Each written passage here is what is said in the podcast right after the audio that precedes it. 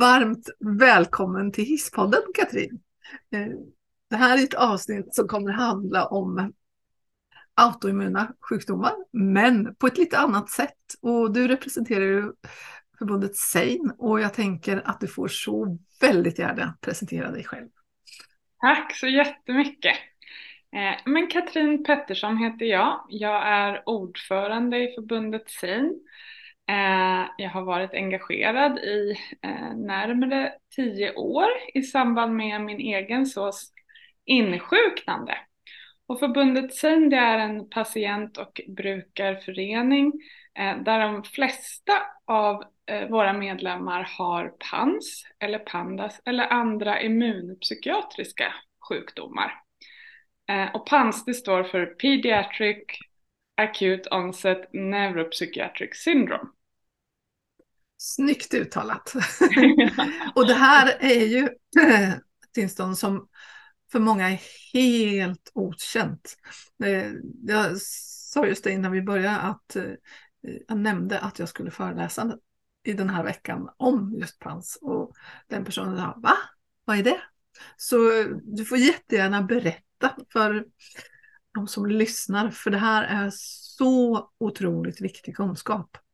Mm. Eh, PANS kan man säga, det var en forskare på 90-talet som hette Susan Swedo. Hon forskade på barn med OCD, alltså med tvångssyndrom. Och i hennes grupp barn så såg hon ett starkt samband mellan de barnen som hade fått väldigt plötslig debuterande OCD. Eh, och i journalerna kunde hon hitta att många hade haft streptokockinfektioner.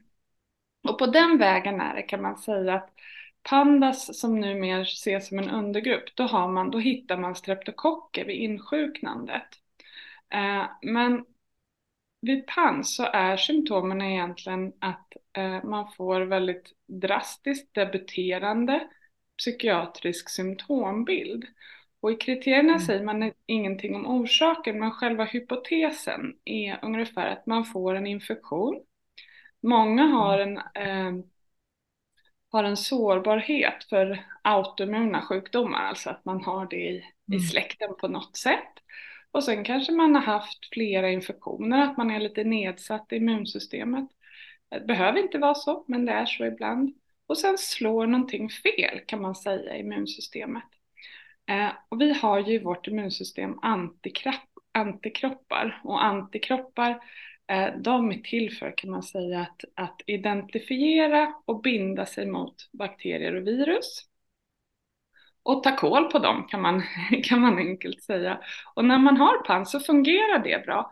Men det är också så att antikropparna blir förvirrade. De ser mm. inte skillnad på vad som är virus och bakterier och vad som är egen cellstruktur, alltså vad som är våra egna celler och partiklar och så binder de sig felaktigt. Det här är en väldigt enkel förklaring. Jättefin och, och förklaring skulle jag säga. Nej, men, och då blir det eh, inne i, i hjärnan en reaktion. Eh, om man tror framförallt inne i basala ganglierna, därifrån vårt beteende och kognition mm. och så styrs ifrån. Eh, en, en reaktion som man, man talar om brain on fire Mm. En, en brinnande hjärna eller en inflammerad hjärna. Men så låggradig att den är svår att få synas på magnetkameraröntgen och så. Och det ger symptom som eh, tvång, mm. eller tics, eller ångest, eh, koncentrationssvårigheter, aggression, irritabilitet, sömnstörningar, ätstörningar och så vidare. Och just kriterierna för PANS, då ska man ha ett drastiskt debuterande av eh, restriktivt ätande eller eh, allvarligt eh, minskat födointag och eller tvång. Och mm. minst två andra symptom som till exempel eh, irritabilitet eller ångest. Sen kan man ju tro att eh, det är ju så här, när det inte finns en markör, alltså när det liksom inte mm. finns ett blodprov som säger ja eller nej, då måste kriterierna också vara ganska strikta. Alltså för att kunna mm. forska på, på de som insjuknar i PAN så behöver kriterierna vara till exempel ett väldigt drastiskt debuterande eller sådär. Eh, I verkligheten så kan man tro att den här gruppen är mycket, mycket större och mycket bredare. Och då kan man prata om immunpsykiatri, vilket egentligen då mm. innebär att det är immunsystemet, någonting händer med immunsystemet som gör att man får psykiatriska symptom. Mm. Och det här är ju, jag tänker det, det är så otroligt viktigt för alla att känna till. För varje gång jag pratar om PANS så blir det ju så att någon drar efter andan och säger men min granne eller nej men oj. Eh, och, och, det är ju det vi egentligen vill. Vi vill att alla ska veta. Det är inte varken du eller jag som ställer diagnoser utan det gör man ju eh, samlat i en läkarkår. Men det här att vi alla ska kunna reagera och också våga agera för att stötta barnen och föräldrarna på ett schysst och vänligt sätt till mm. rätt hjälp, tänker jag. Mm. Precis, och det är ju just så där med Alltså, i, förbundet sen så kan vi ju se att det här med att kunskap gror underifrån, lite från mun till mun, hur, mm. hur mycket hjälp det har varit. Att det är ofta just så att någon har hört talas om pans och så tänker man på sin, sin granne eller sin väns barn eller så vidare. Eh, men, men det är viktigt att kunna identifiera pans därför att förloppet är ju svårt, det kan ge väldigt svåra och många psykiatriska symptom och det är ju faktiskt en behandlingsbar sjukdom. Även om vi liksom inte mm. har svaret vad som är rätt för varje individ så är det en behandlingsbar sjukdom. Eh, och, och, det gör det ju ännu viktigare. Och dessutom så är ju behandlingen inte liksom densamma som, eh, ja, som eh, ADHD utan en immunpsykiatrisk orsak. Nej, visst. Och det är likadant med tvång. Det här, man får den här beskrivningen när man får rätt behandling och den ska du få berätta om mer sen. Mm. Men att det är ju ingen, inget tvångssyndrom i den psykiatriska utan det immunpsykiatriska som går över på det sättet eh, och inte heller kommer tillbaka om man inte fortsätter behandlingen på rätt sätt. Så jag tänker det här med behandlingen, hur, hur sätter man in den om man ska tänka mm, för, för barn? Mm. Eh, det här är en sån där fråga som man ska, ska man svara diplomatiskt eller ska, ska man svara? Hur skulle det se ut om du fick ja, önska? ja, om jag fick, det är, det är så här att mm. både i Sverige och i världen så är det väldigt komplext eh, därför att det saknas det som sjukvården vill ha och det som Socialstyrelsen ja. och de som gör riktlinjer vill ha. Det saknas en jättestora dubbelblindade studier eh, som, som visar vad ska man behandla med. Men det saknas inte erfarenhet. Vi har faktiskt många jättekunniga och duktiga läkare runt om världen som har behandlat massvis med patienter. Och en, del, en hel del av de svenska familjerna, de, de har vi ju kontakt med förbundet SEIN. Och de är liksom våran kunskapsbank. Mm. Eh, de har lärt mig hur mycket som helst. Och då kan man säga att erfarenhetsmässigt och även grundat på den, de forskningsresultat som finns så handlar det dels om att snabbt identifiera Mm. Det är ofta barn, det behöver absolut inte vara barn som insjuknar och dessutom så blir man inte automatiskt frisk för att man fyller 18. Nej, det var det fiffigt, men så är det inte.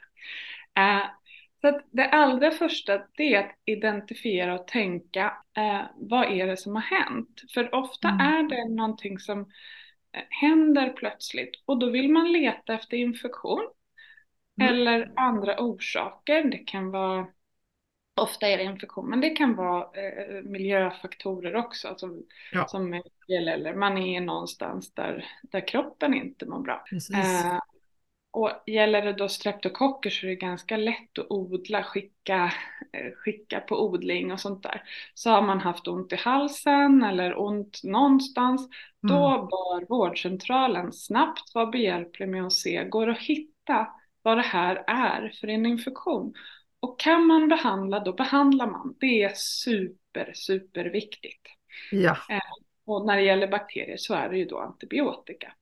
Sen finns det olika steg på behandling kan man säga. Det finns eh, Många svarar faktiskt väldigt bra på antibiotika. I Sverige är vi mm. väldigt restriktiva med antibiotika.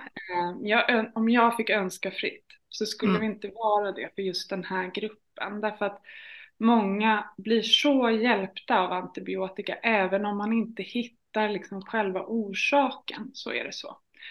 Eh, sen så finns det antiinflammatoriska läkemedel och de dämpar ju inflammation. Eh, det hjälper ganska många om man är snabbt ute. Mm. Eh, och speciellt om man kanske har mått, alltså inte de här extremaste symptomen. Sen är nästa steg det som kallas immunmodulerande behandlingar. Just och, och immunmodulerande läkemedel, det, det kan man säga påverkar immunsystemet och det kan påverka på olika sätt. Man kan dels så kan man ge eh, IVIG kallas det, eh, mm. som är immunglobuliner från blodgivare. Men man kan också dämpa immunsystemet med kortison och man kan ge sig på immunsystemet på flera olika sätt och vis. Men det är de stegen som finns. Och min, jag är ju inte, jag är inte doktor, jag är socionom. men, men, men erfarenhetsmässigt så eh, snabb behandling är me mega viktigt. Mm. Och också ganska aggressiv behandling om man har svåra symptom. Eh, vi, vi, har ju flera personer eh, i föreningen som har eh, fått snabb behandling och som faktiskt har svarat jätteväl och ah. inte behöver fortsätta behandla sen utan kan gå tillbaka. Man kan liksom backa hela den här ah. symptombilden. Ja visst. Ja, och det är ju liksom, det är mitt mål. Eller hur! Snabb behandling och att få ja. alltså, bli lyssnad på att det här är ett tillstånd som om man inte får den här snabba behandlingen utan man skickas runt och man kanske inte förstår och man kanske till och med tänker att det handlar om barnet själv eller barnets föräldrar. Och det, det är ju, alltså, man behöver ju prova allting inom rimligheten, självklart, men just det här att det, det kommer så otroligt snabbt eh, är ju det jag tänker att man behöver ha med sig alltid. Alltså, förändras ett barn från en dag till en annan eller från en timme till en annan, då behöver man ju ha det här med sig i bakhuvudet. Det finns någonting som heter PANS. Det gör det. Eh, vi behöver kanske ta hjälp av sjukvården och då behöver ju sjukvården veta också från eh, alltså barnavårdscentral och elevhälsa till primärvård och specialistvård också såklart. Men jag tänkte när du beskriver det här att det kan gå så bra och vi vet också när det inte gör det, när det här blir så otroligt lidande för det här lilla eller stora barnet och alla som finns runt omkring. Mm. Så, så jag tänker det finns, det finns verkligen ingenting att vänta på. Nej, nej men så, så är mm. det verkligen. Um, och um, det är ju precis det som du tar upp nu, så tyvärr så möter ju vi det ofta, inte mm. minst kanske från mammor som inte blir trodda på och när jag kan förstå också, ja. jag, kan, jag, kan, jag kan förstå vården att mm. det här är inte så lätt om man aldrig man har inte fått i sin utbildning kanske, man har inte haft eh, patienter med PANS tidigare. Nej. Så är det svårt att förstå. Men vi måste få ett stopp på att inte kunna lyssna på föräldrar och, och ta till sig, och barn för den delen, och vuxna oh, ja. ja. Um, för ofta så är det så, även när det inte är den här liksom mega akuta insjuknandet så är det ofta så att anhöriga beskriver att någonting har hänt. Mm. Det är en personlighetsförändring, någonting har hänt med mitt barn. Och då behöver man liksom, då behöver det gå någon slags röd varningsflagg och tänka okej, okay, vad kan ha hänt här? Mm. Och jag tror ju, jag nämnt det för dig förut, äh, Agneta, jag vet mm. inte om jag biter mig i svansen, men jag tror ju att vi kommer komma till ett paradigmskifte.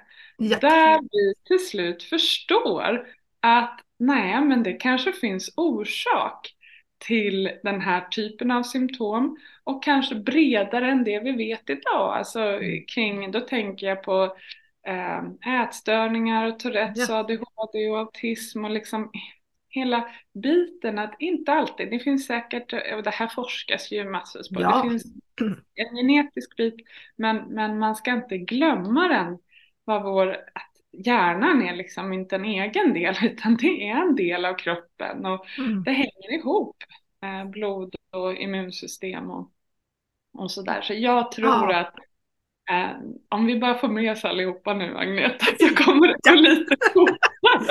ja men visst. vi kommer förstå de här symptomen på ett annat mm. sätt. Det är jag övertygad om. Ja och inte det här att låsa fast sig i att det här är symptom på, det här är symptom på och så raddar man upp eh, funktionsnedsättningar, psykiatriska diagnoser. Eh, men just det här akuta insättandet och jag tänker till exempel på det här med separations äh, ångest som, som ju inte är separationsångest lite ledsen utan det är ju liksom en ren och skär förtvivlan över att eh, en förälder går på toaletten till exempel eh, och mm. lämnar barnet i tre minuter. Och, och allt det här som också handlar om självskada, både när det gäller mat men också när det gäller skadan av sig själv, är ju dramatiskt för den lilla människan men det är också otroligt dramatiskt för de som står runt omkring. Och jag tänker på den studien eh, som ni också gjorde som, som alltså, jag får lite sådär svårt att andas när jag pratar om det men det beror ju på att det är så otroligt allvarligt att små barn tar mm. sina liv därför att man inte har upptäckt eh, och gett rätt stöd och att känna sig fel och att mm. känna att det här, ja men hjärnan brinner eh, mm. och inte blir lyssnad på. Jag tänker det, det är någonting som ni har eh, gjort en forskningsstudie kring också som vi behöver lyfta och skicka med till alla som, som lyssnar idag tänker jag.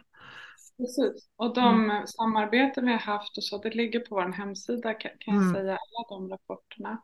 Men, men så är det och um, alltså även väldigt små barn, uh, det finns olika skäl till den här typen av allvarliga uh, antingen självskadebeteenden eller suicidhandlingar. Mm. Även ett allvarligt eh, begränsat födointag som kan leda ja. till väldigt allvarlig svält. Mm. Det har ofta kopplingar till eh, olika former av tvång eller rädslor. Eh, inte sällan ifrån eh, bakterier eller eh, höjder eller ja. som gör att man liksom man har ett måste som är väldigt ovanligt. Men förstås också en uppgivenhet att inte få hjälp. Och barn som jag möter de, de, de beskriver ju eh, nästan som att deras hjärnor blir kidnappade. Mm. Alltså, jag styr inte över mig själv. Eh, små barn kan säga att det är ett monster i mig, det är en gubbe mm. i mig. Mm. Eh, på ett sätt som i alla fall inte jag har hört andra barn och berätta, där man liksom inte, man tappar helt självkontrollen. Och när man heller då mm. inte kan, man har föräldrar som försöker förtvivlat att hitta en läkare, att få mm. vård och hjälp. Och sen kanske man kommer till vårdgivare som inte kan och förstår det här och som mer eller mindre skakar på huvudet, då, då blir det så varenda sekund är ofta en evighet för mm. familjer som lever med PANS. Och då är det lätt att bli uppgiven. Eller hur. Mm. Så att det var helt rätt. Det, det behöver, kunskapen måste ut överallt.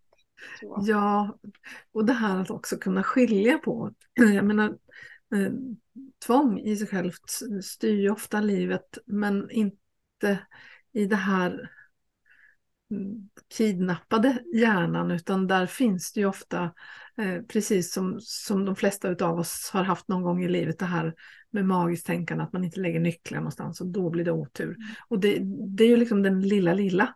Eh, men för en person med två, vanligt tvång så är ju det också självklart förlamande mm. och handikappande. Men insikten finns ju oftast och skammen finns kopplad till att man vet att nej men egentligen så hjälper det ju inte att jag går runt huset åtta gånger och gör så här för att eh, det här flygplanet inte ska ramla ner. Eh, jag vet det, men jag vågar inte låta bli för det här handlar om ångest. Det här är ju någonting annat. Och det tror jag att eh, det är viktigt att ta fatt i och skilja på. Men jag tänker vi pratade och har pratat många gånger om vuxna. För mm ibland när man pratar så det var ju precis som du sa att det går inte alltid över för att man fyller 18 och definitivt inte någon 18-årsgräns eller så utan det här skulle ju precis som du också säger paradigmskiftet när man tittar in på vuxna. Hur, eh, vad finns det för tankar om det i Sverige? Mm. Eh, det är svårt för vuxna att, det är ännu svårare kan man säga, ja. att komma rätt. Därför um, från början när man formulerade kriterierna, allra från början så satte man också en ålder mellan 3 och 14 år. Uh, och det, det mm. handlar också om det här med att kunna liksom forska på gruppen, ja, att avgränsa. Mm. Men det där, de som jobbar med det här, de vet ju det. De vet ju mm. att ja, det är inte bara de mellan 3 och 14, men Nej. det är den gruppen som vi liksom kan försöka hitta någon slags homogenitet i kanske, eller sådär.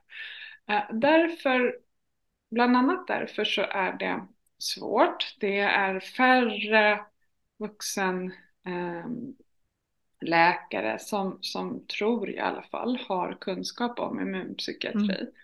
Men det kommer och det kommer ju, det, vi har ju bland annat två, eh, två starka kvinnliga forskare i Sverige, eh, Susanne Beirut och ja. Jan Cunningham, eh, som båda har en jättehög eh, kunskap och också forskar om behandlingsmetoder. Mm för den här gruppen. Så att eh, det finns eh, all, all, eh, eh, all anledning tycker jag att vara hoppfull på sikt. Det pågår mycket. Mm. Men, men det som man kan se det är ju ofta, många vuxna har ju varit sjuka under lång tid, alltså kanske insjuknat som tonåringar mm. och sådär. Uh, och då var det ingen som någonsin uppmärksammade att det här kanske var ett, ett förlopp, ett insjukningsförlopp som inte var uh, riktigt tillhörde vanligheten. Uh, och då kanske man har hunnit få ett antal skov, många yeah. skov. skov, det kan man säga, det får man den här processen som jag beskrev i början. Mm antikroppar tillverkas, det gör de ju. Finns det virus och bakterier runt omkring ja. en så tillverkas antikroppar. Och när det blir den här ökningen av fler antikroppar så är det ju också fler som binder sig felaktigt. Och då får man ofta en försämringsperiod. Och det mm. är slitsamt. Alltså många beskriver en kanske hjärntrötthet ett par år efter man har haft de här stora, stora skoven där man får väldigt många och svåra psykiatriska symptom. Och det blir svårare och svårare att hämta sig mm. om det pågår år efter år efter år och man dessutom får massvis med andra läkemedel som inte fungerar och så vidare. Eh, så det som när jag har diskuterat det här med de här duktiga, kunniga eh, läkarna som mm eh, som har haft många patienter, då, då beskriver de också att många har autoimmuna sjukdomar, kanske inte som barn, men Nej. det kanske kommer fram mm. senare i tiden. Mm. Eh, så har man, liksom, träffar man en vuxen patient som har schizofreni, OCD, ADHD, autism Ja. och en autoimmun sjukdom, ja, men då tycker jag verkligen, då hoppas jag att man går tillbaka i tiden och gör en Mm. ordentlig anamnes. För att det är klart, jag tror ju, om jag ska vara Ja, liksom, det låter så optimistiskt men säga som det är, så tror jag att många som finns Mm. inom sluten psykiatrin med den här breda psykiatriska och neuropsykiatriska symptombilden kanske har ett immunpsykiatriskt insjuknande och skulle kunna Mm. behandlas på ett helt annat sätt. Ehm, och det finns Ja. faktiskt möjlighet för de som är svårt sjuka att för, för läkare att remittera till, till eh, bland annat till då Janet Cunningham. Så att, så att det är också Mm. hoppfullt. Men gruppen är, de är många, många fler. Många fler än vad vi ja. så är Och, och jag tänker när jag sitter här, eh, det här är ju någonting som jag ofta mm, funderar i de här banorna, men nu, nu fick jag en tanke till som eh, jag har kikat lite grann in i rättspsykiatrin på sista Mm. tiden. Och Mm. där är det ju ofta både dels att det är tvångsvård under väldigt lång tid, extremt kraftiga läkemedelsbehandlingar och man ser också eh, försämringen rent åldersjämförelse med den som är inskriven i rättspsykiatri jämfört med en person som har samma diagnos ute i eh, samhället. Och jag tänker där finns det ju också skäl att eh, titta immunpsykiatriskt faktiskt och backa bandet där också. Men eh, det var en sån här, det bara dök in precis när vi satt nu och jag tänker att Ja, men, och jag, precis, precis, precis. Och Jag, jag skulle ju önska att vid sådana här, liksom, när det är en person som har liksom, komplexa Mm. svårigheter, att det fanns tillgång till kanske ett tvärdisciplinärt team där man, alltså både med psykiater, men kanske reumatolog, japp, eh, neurolog i vissa fall, Mm. immunolog, infektionsläkare. Där man kan liksom lägga pusslet och försöka förstå, finns det någonting annat? De, de svårt sjuka vuxna eh, personer som jag har kontakt med och som jag har fått Mm. äran att följa, för att det är Ja. verkligen en ära. Flera av dem har mm, de bjudit in till sitt hem, till sin berättelse, till sitt liv. Eh, och de, de har sån enorm kunskap. Och Mm. flera av dem har faktiskt också varit inom rättspsykiatrin för Ja. att man har inte kunnat behandla eh, inom slutenvården. Man har dessutom då behövt isolera och det har handlat bland annat om att man inte har kunnat begränsa väldigt svåra tvång, ett självskadande tvångsbeteende. Eh, och sen har, har man förstås fått massvis med olika läkemedel. Eh, ehm, och så har man kommit sen någonstans där man har förstått att när man Ja. väntar här nu, det här är ju ett enormt svårt tvångssyndrom. Kan det vara så att det här faktiskt är PANS? mm, Och så har man liksom behandlat istället immunmodulerande och så försvinner symptomen. åh, mm, Och jag tror ju att det är så otroligt många mer som man skulle kunna göra det. Men, men det, det behövs det där teamet. eller Som hur? liksom, okej vad Ja. är det här egentligen? Och som, Ja. eh, Ja, men det är ju så. Jag har ju en fantastiskt fin bild som jag har fått av dig som jag ska visa i veckan när jag ska träffa handläggare inom socialtjänsten. Och jag tänker det här att också befria den som, som inte är eh, neurolog, reumatolog eller psykiater från det här tolkandet. För det, om vi säger att tre specialistläkare behövs, minst, för att kunna se helheten så, så kan ju inte, jag är sjuksköterska, jag kan se symptom, men fortfarande är det inte mitt jobb att ställa en diagnos. Aldrig någonsin och inte ditt heller. Utan vårt jobb är ju att se, påtala, säga, men skulle det kunna, kan ni titta. Vi behöver också ta med, för det är ju då vi eh, befriar den som hamnar, alltså som sjuksköterska på en elevhälsa eller om jag är handläggare på socialtjänsten så, så blir det ju en oro för ett barn. Och, och den oron är ju fullt befogad. Men att man inte går fel väg då. Att oron handlar om beteenden eller eh, psykiatri eller neuropsykiatri utan tänka bredare. För om vi gör det och att vi på riktigt inte har någon som helst prestige. För, för jag menar, vi vet ju inte allt. långt, långt därifrån. Men om vi vet lite grann så kan vi vara med och putta. Eh, vi kan vara med och tänka. Och så finns det någon annan som tänker någonting annat. Och det är ju så vi går framåt, i, både i eh, men också eh, i att behandla människor med människovärde. faktiskt. Mm. Mm. Så är det. Vi har var faktiskt med om det här förra veckan. Eh, ett HVB-hem som tog kontakt som hade fått eh, en föreläsning om PANS utifrån en, en, ett, ett, en placerad ungdom då. Och så ah. ringde upp och sa, alltså, vi, alltså det måste vara så att vi har till barn ah. här. Och vart vänder vi oss nu? Och då wow. blir man också så himla glad att ah. det finns ju massa människor som vill lyssna mm. och förstå. Men jag har själv jobbat tidigare på socialtjänsten eh, på ungdomssidan och också själv placerat eh, ett par ungdomar som jag nu i efterhand tänker mm. Gode gud, alltså varför förstod vi inte? varför visste jag inte då? Eh, och det, det är ganska ofta så när Alltså på vissa dokumentärer eller där man ser och hör med mm. ungdomar men även vuxna som har en väldigt bred symptombild. Eh, där jag tänker här behöver det här teamet finnas och förstå ah. att det kanske har hänt någonting. Sen, ja men man vet mm. inte det, men man behöver åtminstone vara nyfiken och utesluta. Ja, och det, det tänker jag också det här att, alltså det har ju hänt mig jättemånga gånger i mitt yrkesliv att det, jag brukar jämföra det med att trampa på en kratta och så slår den upp i pannan och så inser man att det här har jag inte sett eller det här har jag inte vetat.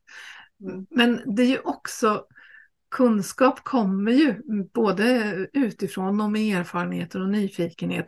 Men när den kommer då har jag den ju. Jag kan ju inte ta bort den sen. Och det är ju det där, alltså det jag inte visste förut, det visste jag ju inte då. Men det jag vet nu, det kan jag inte sluta veta. Och det tänker jag är bland det viktigaste vi kan komma ihåg. Att, alltså inte skälla på oss själva för att vi inte visste förut, men inte heller lägga ifrån oss ansvaret och säga att eh, nej men nu, nu lägger jag ifrån mig det här vetandet, för det går inte. Utan vi behöver lägga till kunskap, vi behöver vara nyfikna och, och lite modiga också. Och tänka att ja, men jag vet väl inte allt, jag kanske behöver hjälp av någon annan som ser något som jag inte ser. Mm. För det är ju det, är det som är team. Mm, yeah. mm.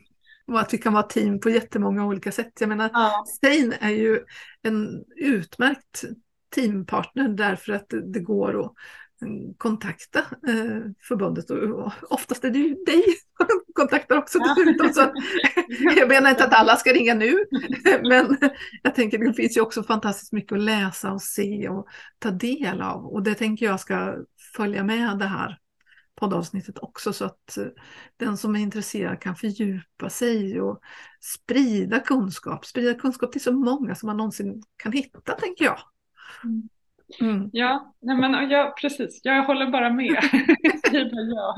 Ja, nej, men det, jag är jätte verkligen inspirerad och roliga möten också med, med både många skolor och HVB-hem och nu eh, får jag äran här sista åren på Stockholms universitet att träffa eller föreläsa för alla specialpedagoger och när man sen börjar liksom ha mm. de där mm. ögonen så förstår man att okej, okay, det här är inte bara ett barn eller eh, och det är också så fantastiskt att få följa ett mm. barn som insjuknar och som sen får rätt hjälp.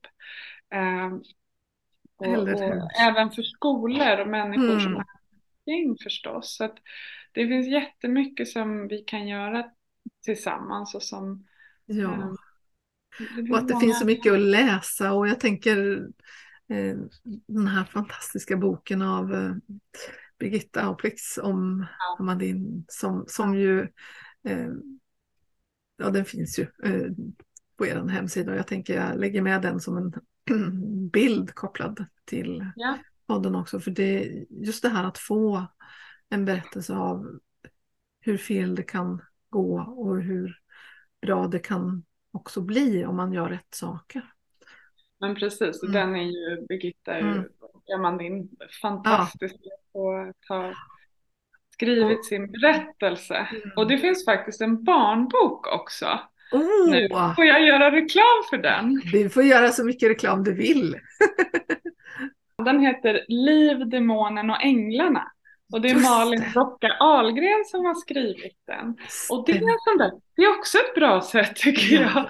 jag. Att öka kunskapen och ta in den på eh, bibliotek och skolor. Att det blir liksom en, en del av någonting som finns. Därför det mm. är inte så ovanligt. Det är okänt men det är inte ovanligt. Nej, och det tänker jag är ett jättebra tips och den lägger vi också med som en bild och så ah. länk till hemsidan. och om du skulle skicka med någonting till de som lyssnar, vad tänker du att det, det viktigaste för dem är att göra nu då? Um, jag tänker att det viktigaste är att veta att pans och immunpsykiatrin är inte så ovanligt, det är okänt. Att eh, reagera när man tänker vad har hänt med det här barnet? Det är en personlighetsförändring eller varför har barnet den här separationsångesten eller man kan kissa på sig? Eller varför får man, kan man plötsligt få autism när man är tio år? Nej, nej, man kan inte det. Då är det någonting som har hänt. Och då kan man inte vända sig till vårdgivare så kan man alltid vända sig till oss. Alla är så välkomna att vi försöker bolla vidare såklart till läkare och så vidare. Men, men reagera. Reagera om man mm. tänker vad kan ha hänt här? Det är det som jag framförallt vill mm. skicka med. Att det här finns. Ja. Tusen, tusen tack Katrin och tänker att vi fortsätter tillsammans. Och ja, det gör vi. Tack för att du var med. Fantastiskt. Tack. Tack snälla.